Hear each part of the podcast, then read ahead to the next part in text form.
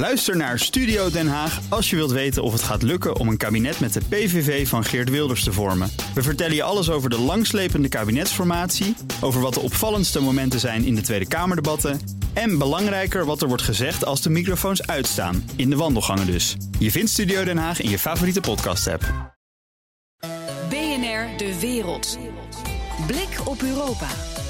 De Europese poging om nepnieuws en propaganda vanuit Rusland tegen te gaan ligt zwaar onder vuur. Europarlementariërs, journalisten en veiligheidsexperts verwijten de Europese buitenlandchef Mogherini dat ze niets doet om de dreiging vanuit Moskou te bestrijden. Europa-verslaggever Jas Pinster is toch een Europese instelling die jacht maakt op nepnieuws? Ja, nou daar is East Stratcom opgericht in 2015 en daar zitten inderdaad mensen die speuren naar nepnieuws, naar desinformatie en uh, dat nemen ze dan en dan schrijven ze een rapport wat ze publiceren om aan te tonen van nou dit klopt er wel, dit klopt er niet. Misschien wel aardig om gewoon eventjes een voorbeeld erbij te pakken van wat ze vandaag uh, dan gepubliceerd hebben.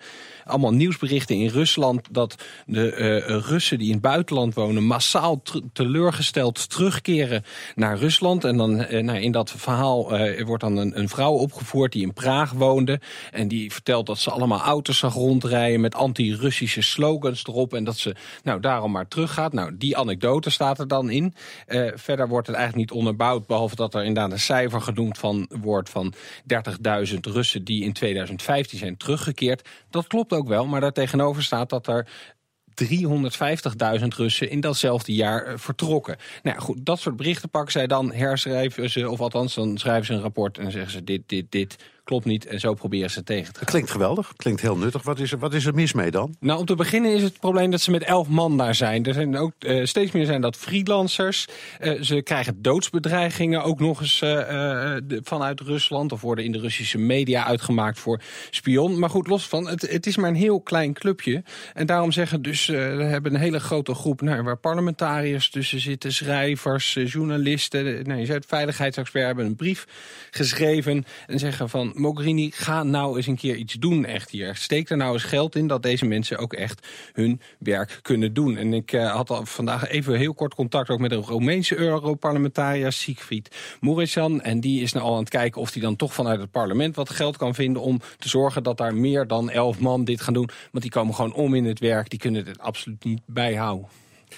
Wat moet er veranderen volgens de critici? Ja, nou, dan is geld? Het, ja, dan is het altijd geld. Dus ze roepen er moet drie keer zoveel geld heen. En uh, nou, de waarschuwing is, als dat niet gebeurt... dan gaan de vijanden van de democratie, democratie zullen gaan winnen... en de schade aan de Europese samenleving zal ze niet te herstellen nee, zijn. Mogherini zal dat allemaal niet met plezier aanhoren, deze kritiek? Nee, en uh, terwijl zij deze instelling graag gebruikt om mooie sier uh, mee te maken... zoals ze onlangs nog deed bij CNN. More than being concerned, we're working on it uh, because we have launched in the last year, year and a half, uh, a specific uh, team, a specific task force that is dealing with uh, uh, this kind of challenges, uh, especially propaganda and counter, countering the wrong information that are spread, especially on the web.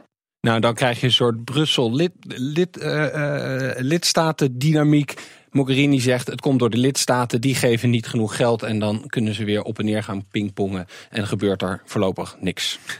Dankjewel, Europa-verslaggever Jesse Pinster.